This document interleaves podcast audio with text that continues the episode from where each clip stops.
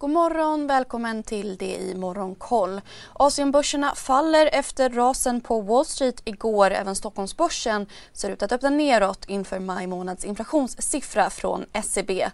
Hongkongbörsen backar 1% Shenzhenbörsen faller 2,5% medan Shanghai och Tokyobörsen är ner 1,5 Börserna tar rygg på de breda rasen på Wall Street igår där breda S&P var ner närmare 4% och Nasdaq 4,5% inför onsdagens räntebesked från den amerikanska centralbanken Fed. Rasen tog fart efter att flera analytiker flaggat för en större räntehöjning än väntat. Det efter ett högre inflationsutfall än väntat förra veckan då inflationen i USA nådde en ny peak på 40 år i maj. Investmentbanken Goldman Sachs har reviderat sin prognos och spår nu att Fed höjer styrräntan med 75 punkter imorgon och vid nästa möte i juli. Den amerikanska tvåårsräntan och tioårsräntan inverterade än en gång igår vilket historiskt sett har sett som en signal på en kommande recession. Tioåringen står nu i 3,36% medan tvååringen står i 3,38 Även oljepriset har fallit tillbaka något i linje med marknaden ytterligare pressat av ny smittspridning i Kina som kan dämpa. I de sekunderna när jag är i luften så är det en kamp på liv och död.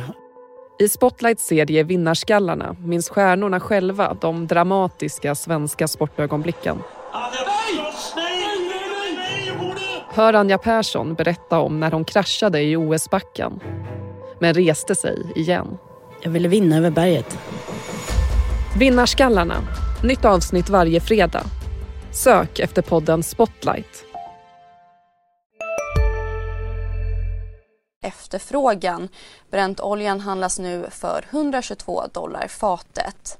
Vidare föll flera kryptovalutor tillbaka vecka och nedgångarna tilltog efter att kryptovalutaplattformen Binance och Celsius tillfälligt stoppat transaktioner i bitcoin. Bitcoin rasar över 15% och handlas nu för närmare 22 000 dollar. Bland övriga bolag föll flera kinesiska aktier brant i USA kring oro för en dämpad tillväxt. Techjätten Alibaba tappade 10% och faller även 5% på Hongkongbörsen idag. Vidare pressades techsektorn där elbilstillverkaren Tesla och streamingjätten Netflix föll tydligt med över 7% vardera.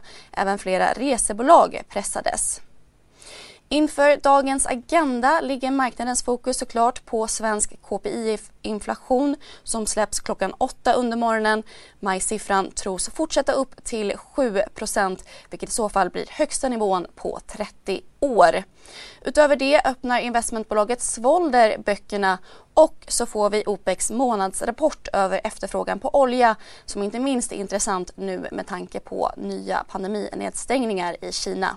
Missa inte heller Börsmorgon som vanligt med start 8.45.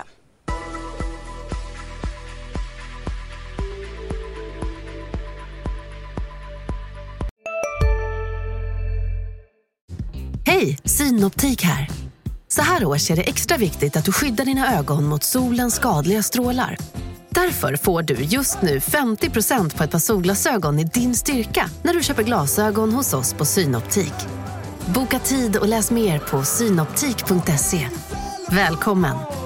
CSRD, ännu en förkortning som väcker känslor hos företagare.